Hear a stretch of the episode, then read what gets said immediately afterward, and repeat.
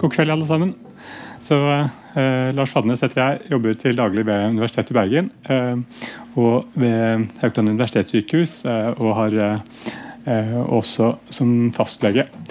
Det som eh, er dagens tema, er om matvalgene våre, og eh, hvordan de er forbundet med helse og levealder. og jeg vil dele litt fra Food for Healthy Life-studien som kanskje noen av dere har støtt borti. Forhåpentligvis er det ikke eh, og Det ser ikke ut til at eh, for mange av dere får middagen i halsen. Og forhåpentligvis blir det gode nyheter for de som har eh, allerede spist dagens middag, og ikke altfor vanskelig å fordøye for de av dere som skulle ta middagen senere i kveld. Jeg kan si litt om bakgrunnen for dette arbeidet som andre og meg selv har gjort. Og som dere sikkert har hørt litt om, så er det sånn at eh, kosthold er en av de viktigste både beskyttende, men også risikofaktorene, litt avhengig av hvordan det ser ut, for både sykdom og er relatert til både overlevelse og eh, dødsfall, avhengig av om det er godt eller mindre godt. Eh, og, at, og 11 millioner dødsfall forklares av dårlig kosthold, og rundt 255 millioner tapte leveår per år. Så det er store tall.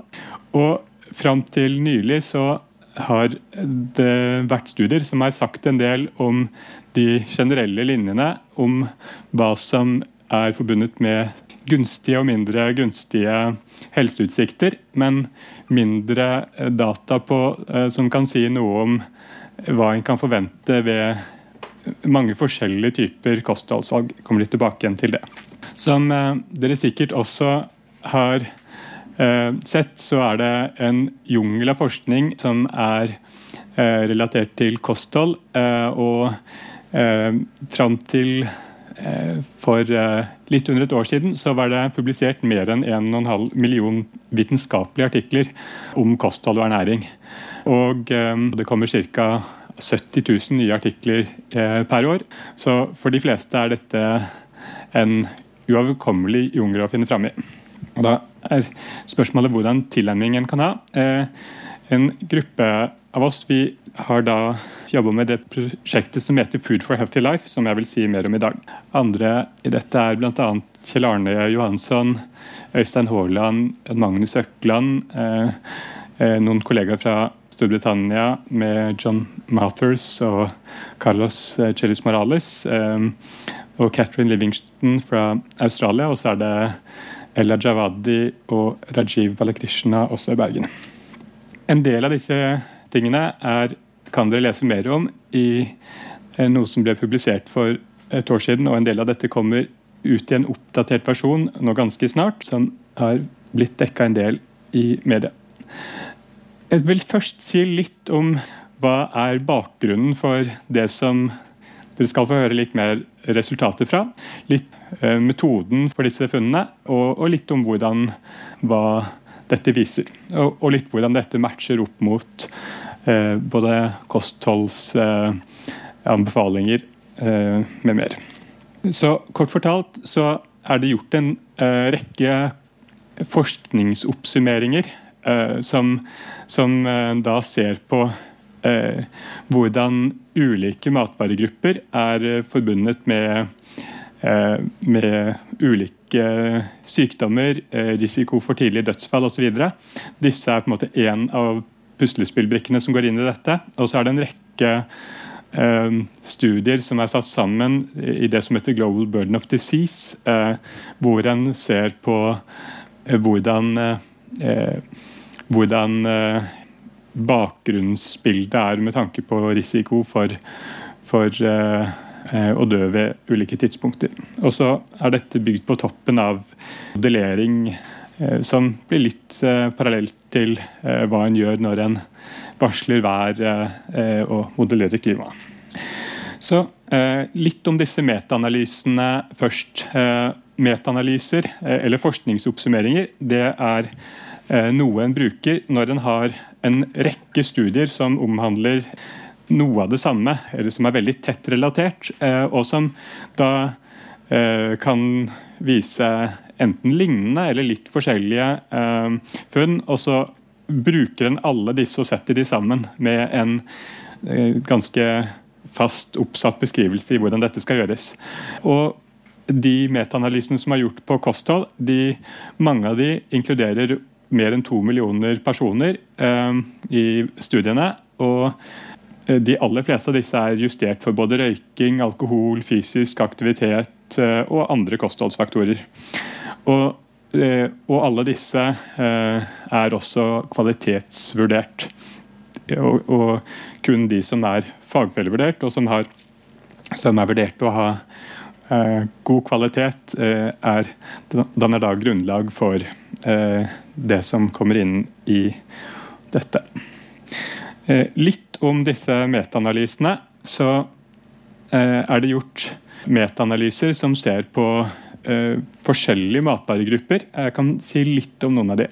Så Først litt om fullkorn. Der er det gjort en forskningsoppsummering eller metaanalyse som da viser at at eh, både risiko for hjerte- og karsykdom, eh, risiko for kreftsykdom og risiko for tidlige dødsfall eh, reduseres med økende inntak opp mot rundt 225 gram per dag. Som tilsvarer rundt sju porsjoner, der én porsjon er en ja, veldig liten bolle med havregryn eller en tynn skive med grovbrød. Eh, og, eh, og at eh, det da f.eks. kan tilsvare en stor bolle med havregryn, et par skiver med grovt brød og f.eks. litt byggryn eller fullkornsris. Tilsvarende så er det gjort forskningsoppsummeringer på frukt og grønnsaker som viser mye av det samme. At risikoen for hjerte- og karsykdom Eh, kreftsykdom og tidlige dødsfall er lavere jo høyere inntak er, iallfall opp til rundt ti porsjoner per dag, der én porsjon eh, er 80 gram, eh, som tilsvarer da ca. et middels stort eple. Eller, eller, en veldig liten bolle med, med grønnsakssuppe. Tilsvarende så er det gjort også for nøtter, som viser at mye tilsvarende, men der en nærmer seg takeffekten, altså eh, den eh, laveste Der det er forbundet med eh, lavest risiko for hjerte-karsykdom, kreftsykdom og tidlig dødsfall ved rundt en håndfull, altså rundt 25-30 gram per dag. Og da med også relativt stor reduksjon, altså 25% reduksjon i hjerte-karsykdom, 15% med kreft og 20-25% med tidlig dødsfall. Det er også gjort tilsvarende for andre matvaregrupper, eh, både med rødt og bearbeida kjøtt, med, eh, eller hvis vi tar det ovenfra, med raffinerte kornprodukter, egg, eh, med melkeprodukter, med belgvekster, med bearbeida kjøtt, med sukra drikke, eh, med eh, fisk og rødt ubearbeida ubearbeidet kjøtt. Og så er spørsmålet hvordan integrerer en, bygger en alt dette her godt sammen. Kommer litt tilbake igjen til det, men skal også si litt om hvordan eh, om bakgrunnsdataene. Og det er jo sånn at eh, Sannsynligheten for for eh, både hjerte-karsykdom, kreftsykdom og eh, diabetes. Og de fleste sykdommer er forskjellige eh, for en 18-åring, eh, en 40-åring og en 60-åring og en på 80. Og at eh, dette må en da ta hensyn til. Eh, og at det er litt forskjell i risikoen for kvinner og menn, særlig, og det gjelder for så vidt egentlig mesteparten av aldersspekteret. og det er litt forskjell mellom, mellom forskjellige land. Eh, så dette er bygd inn altså der, der vi eh, forsøker å ta hensyn til eh, gjennomsnittlig sykdoms- og dødelighetsrisiko ved hver aldersgruppe i disse landene. USA, Storbritannia, Tyskland, Frankrike, Kina, Norge, Iran og etter hvert flere land. så er det sånn at hvis en gjør noen gunstige, eller for den saks skyld uheldige endringer, så er det ikke sånn at en eh, vil forvente at eh, en får umiddelbare, store eh, endringer i f.eks. risikoen for hjerte-karsykdom og ikke minst kreft eh, av det. Eh, så eh, hvis en for at en skal få for at en skal få store endringer i risikoen, så må endringer opprettholdes over tid. Og Basert på en del data så kan en forvente at det tar rundt 10-20 år fra en har hatt Eh, endringer eh, i kosthold til en eh, som er stabile, til en vil på en måte få full endring i Um, F.eks. hjerte-karsykdom, kreft, og, og, sannsynligvis litt kjappere for hjerte-karsykdom enn kreft, og enda litt kjappere for diabetes type 2 enn hjerte-karsykdom. Um, så litt avhengig av hvilket utfallsmål, hvilken sykdom en ser på.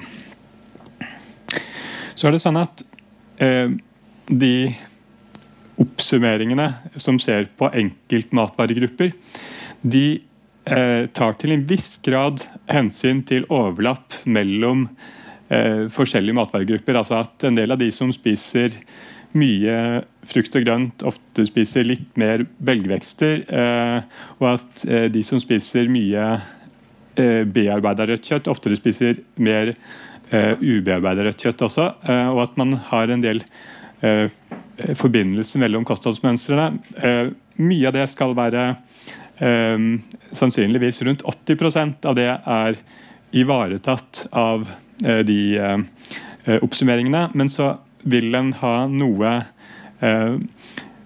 restforvekslingsfaktorer. Altså at noe som ikke er helt tatt hensyn til.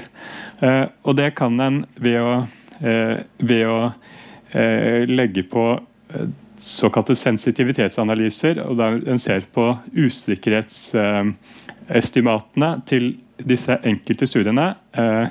Og så bruker en noe som heter Monte Carlo-simulering. altså der en, der en, gjør mange trekninger for å se med, eh, eh, Der en trekker innenfor usikkerheten til hver av disse, så kan en si noe om total usikkerhet.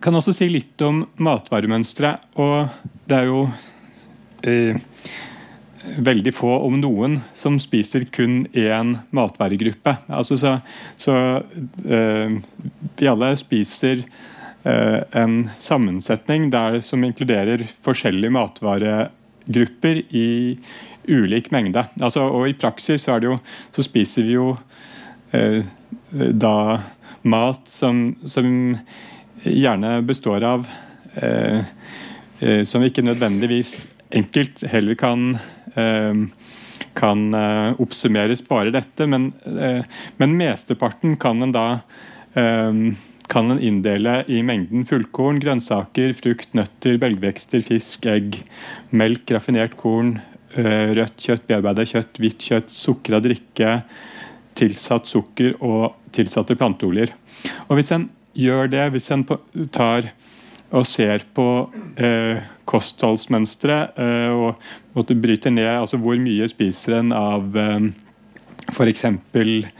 Eh, brød, og hvor mye fullkorn er det der, og hvor mye eh, raffinert korn osv. Hvor mye eh, kake spiser en, og hvor mye sukker er det der, og hvor mye raffinert korn osv. Og, så videre, og tilsvarende for ferdigretter, så, så får man da det totale kostholdsmønsteret. Eh, og basert på de studiene eh, som eh, jeg visste, så kan en da se hva vil være forbundet med de gunstigste leveutsiktene. Det som er beskrevet som optimalisert kosthold, som da Eh, altså i tråd med det som ble vist, altså rundt eh, sju porsjoner med fullkorn, eh, ti porsjoner med frukt og grønnsaker eh, eh, osv. Eh, eller fem porsjoner frukt, fem porsjoner med grønnsaker, en håndfull med nøtter osv.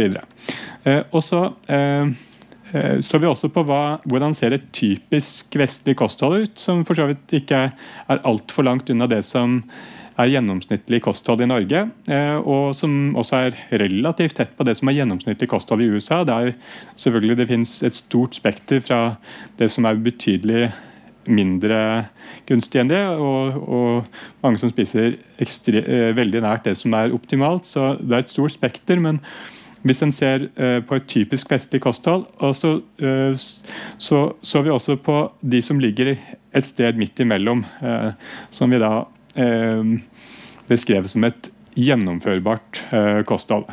som, er, som trekker litt mot det gunstige, eller halvveis mot det gunstige fra det typiske. Så er det sånn at hvor sikker kunnskapen er for hver av disse, varierer litt. Så F.eks. for, for fullkorn så er kunnskapen eh, sikrere enn den er for egg og hvitt kjøtt. Eh, så en har såkalt høy evidensgrad eh, for fullkorn. Eh, en har middels eh, grad av evidens eller sikkerhet for fisk, rødt og bearbeida kjøtt, nøtter, belgvekster, melk. Og lav eller moderat, litt avhengig av hvordan en vurderer det, for grønnsaker og frukt. Eh, lav for sukra drikke og raffinerte eh, kornprodukter, og veldig lav for egg og hvitt kjøtt. Eh, det vil egentlig si at for egg og hvitt kjøtt er en mindre sikker på eh, om det er eh, akkurat hvor det treffer, men, men, men en har en kan allikevel anta noe om sånn cirka hvordan det ser ut. Og hvis en tar og ser på hvordan ser uh, hvor sikker kan en være når en setter alt dette sammen, så ender en opp i midtsjiktet for moderat grad av evidens eller sikkerhet. Og Bakgrunnsstudiene de har generelt sett høy kvalitetsgrad. Dette her, dette bygde vi sammen i, en, eh, i et eh, verktøy som heter R-Shiny, som måte gjør analyser og som viser de eh, sånn direkte grafisk, eh, mens en Der en ser de effektene sånn mens en på en måte justerer på hver matvaregruppe. Eh, og dette er tilgjengelig på den nettadressen der for de av dere som skulle ha lyst til å se nærmere på detaljer. Så jeg kan eh, oppsummere litt av hva, som, eh, hva en kan finne der. Så først så, så kan en da stille inn litt om bakgrunnspopulasjon, altså eh, hvor en eh, bor, altså om en eh, kommer fra Norge, og, og om en er kvinne eller mann, eh, alder. Eh, og så kan en og så kan en i eh, den oppdaterte varianten også si noe om høyde, vekt eh, og aktivitetsgrad, som eh, da også er viktig for mengden mat og mengden energi en har behov for. Og så kan en da stille inn hvordan ser kostholdet ut per dag, som en kan stille inn på venstresida. Og eh, for noen så kan jo det ta litt tid å eh, oversette alt en spiser til, eh, til disse matvaregruppene.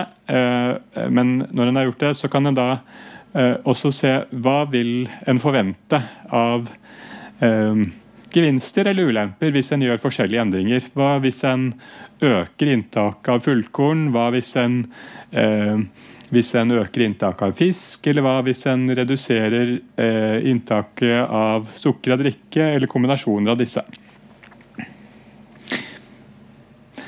Og så beregner den også sånn cirka hvor mye energi eh, dette vil tilsvare. Og hvis, eh, og hvis energiberegninga er veldig lav eller veldig høy, så er det også mindre grad av sikkerhet. Og hvis den er ekstrem, så eh, rapporterer vi ikke ut noe eh, fordi da blir usikkerhetsgraden for høy. Kan vise litt resultater eh, og eh, noen eksempler da fra USA. og Hvis man tar eh, en typisk la oss si 40-åring eh, i USA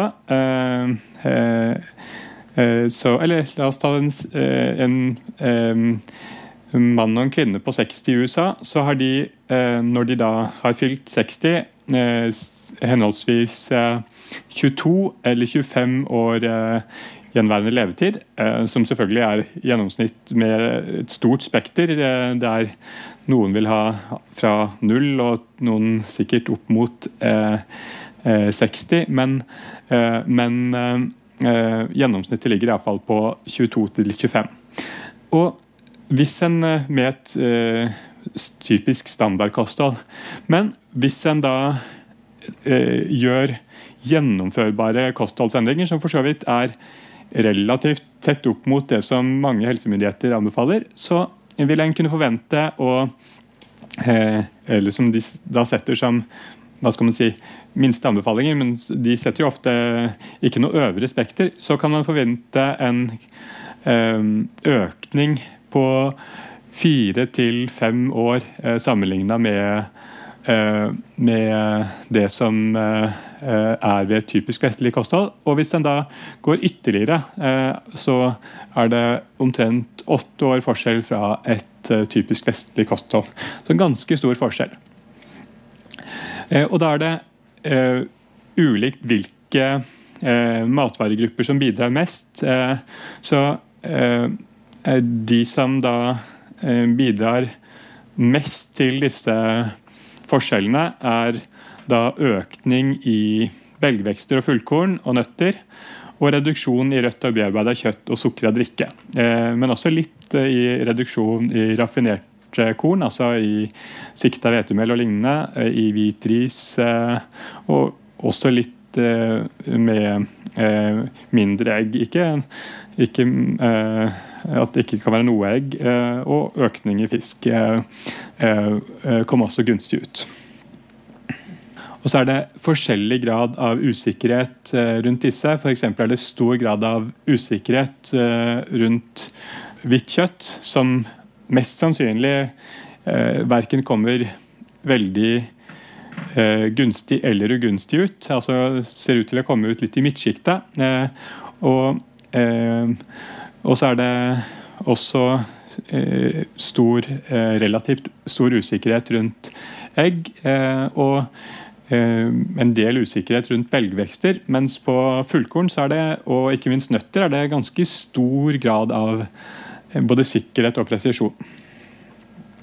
Så har vi nå basert på britiske data. Helt andre data separat fra, fra disse metaanalysene. Noe som heter UK Biobank, som da baserer seg på data fra rundt 450 000 i Storbritannia, der det også er samla inn eh, masse biologiske prøver i tillegg til grundig kostholdsundersøkelse. Eh, så har vi sett på eh, det samme med en litt mer grovspektra inndeling av kostholdet, basert på det som heter kvintiler, altså at en deler det fra eh, veldig lavt, lavt, middels, eh, relativt høyt eller høyt inntak av de forskjellige matvaregruppene. Og viser egentlig mye av det samme eh, som, eh, som, det vi ser når vi bruker globale data eh, med, eh, for andre grupper. Jeg kan også si litt om de sånn, hvordan dette nå bygges ut. Så, så, Det første som ble presentert, er jo Eh, sier hovedsakelig noe om forventninger i levealder, eh, og ikke så mye om forskjeller i bakgrunnssykdom. altså eh, Baserer seg på gjennomsnittssykdomsbyrde ved den enkelte aldersgruppe. Mens nå jobber vi med å bygge inn der, der en kan ha høyere eller lavere bakgrunnsrisiko av ulike sykdommer, enten det er av arvelig årsak eller hva det skulle være. Og også det å integrere bærekraftsdimensjonen på dette, inkludert både klimagassutslipp og, og påvirkning på landarealbruk osv. Som nevnt så er en av de tingene som vi også har bygd inn, er forskjell i Altså at en Eh, at vi også kan ta mer hensyn til eh, både kroppsstørrelse, vekt, eh, høyde og aktivitetsnivå, som da vil påvirke mengden energi en har behov for. Så vil kan en, Hvis en er kritisk, så kan en da spørre kan dette som da kommer i all hovedsak fra oppfølgingsstudier. Hvordan eh, kan dette være eh, forbundet med Er det eh, er det det at det er selekterte grupper som deltar, som, og eller at en har forveksla eh, eh, sammenhenger mellom matvaregrupper og, eh, og, og disse helseutfallene som er årsak til det en ser.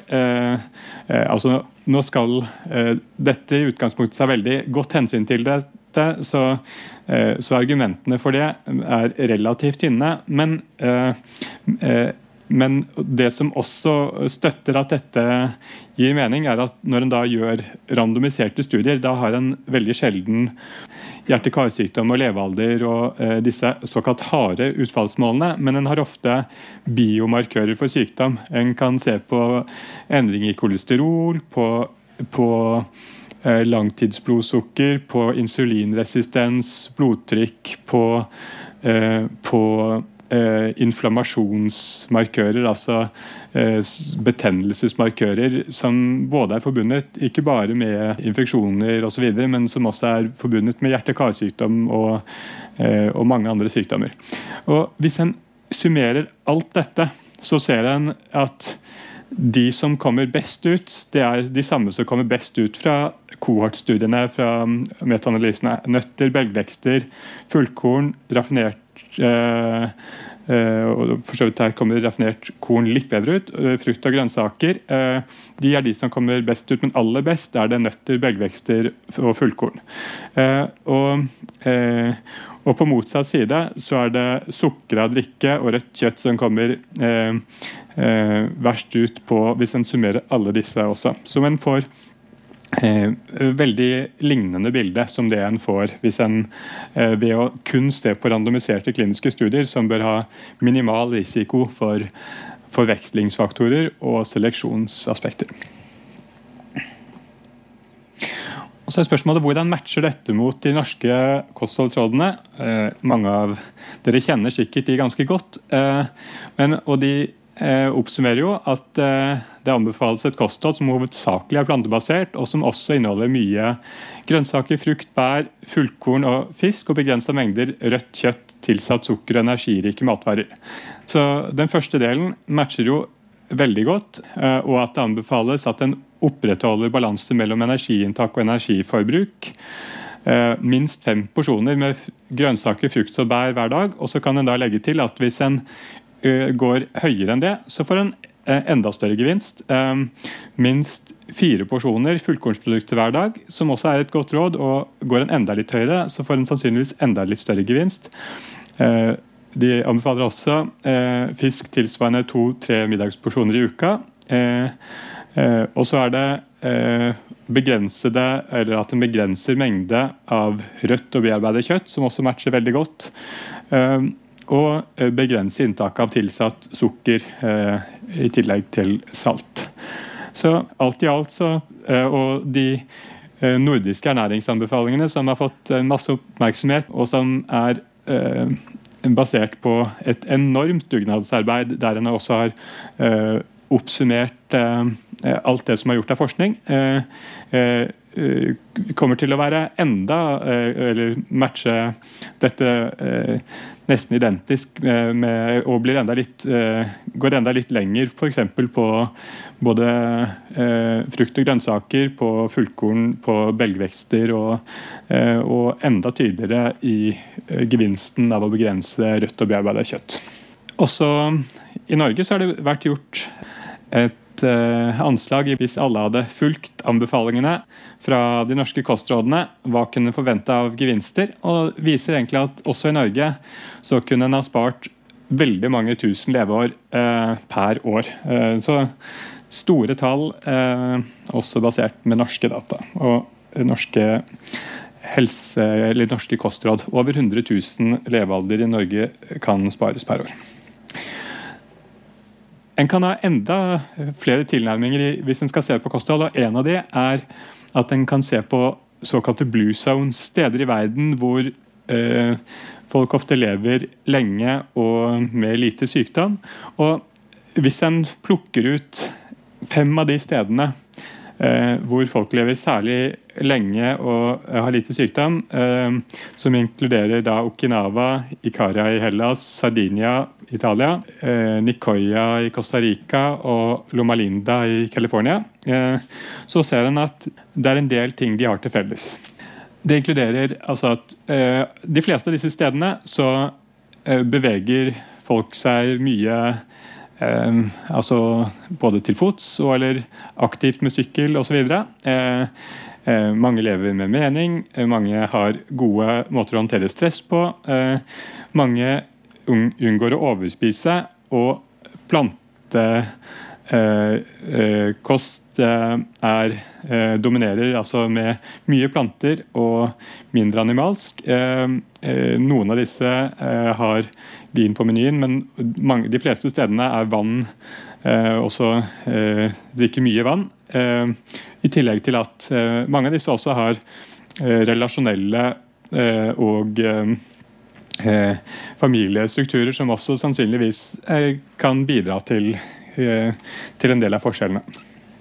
Så bare for å oppsummere litt av hvordan Hva kan jeg forvente er, kommer mest gunstig ut, så eh, ser nok bildet Iallfall hvis man ser på eh, leveutsikter alene, så ser det omtrent eh, sånn ut. Og hva en bør styre eh, mest unna, eh, så er dette en liten oppsummering. Og så vil kanskje noen da spørre, hvis en da bygger opp kostholdet nært på dette, hva med alle næringsstoffene? Hva med vitaminene? Eh, vil en da eh, ha høy risiko for mangelsykdom osv.? Eh, og eh, svaret på det er vel at hvis en ser på eh, de fleste befolkninger Dette er fryktelig mange tall som eh, skal oppsummere hovedbildet. Men eh, dette er fra USA. Jeg eh, skal vise noen norske tall etterpå.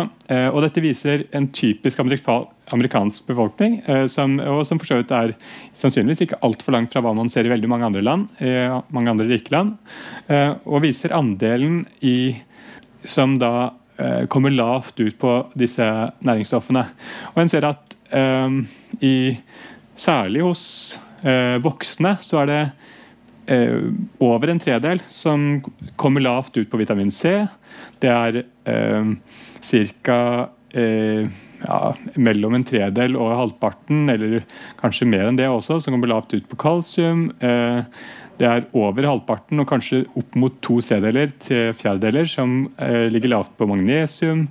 Kalium eh, eh ligger veldig mange lavt på, nest, eh, altså nesten alle. Rundt halvparten på vitamin A. Eh, de aller fleste på vitamin D, eh, de aller fleste på vitamin E og, og, veldig mange på vitamin K. Og Det er ikke så forskjellig heller i Norge, viser Nordkost. fra de vi har data på. Så at veldig mange vil, vil uavhengig av kosthold, ikke nødvendigvis nå alle vitamin anbefalingene, men at den vil komme mye nærmere med et kosthold som ligger tett opp mot uh, det som disse studiene viser, enn en hva et typisk vestlig kosthold vil vise. Og så er det jo sånn at Helse betyr jo på ingen måte alt. altså Det er mange andre ting som ligger til grunn for hva en skal ha på menyen.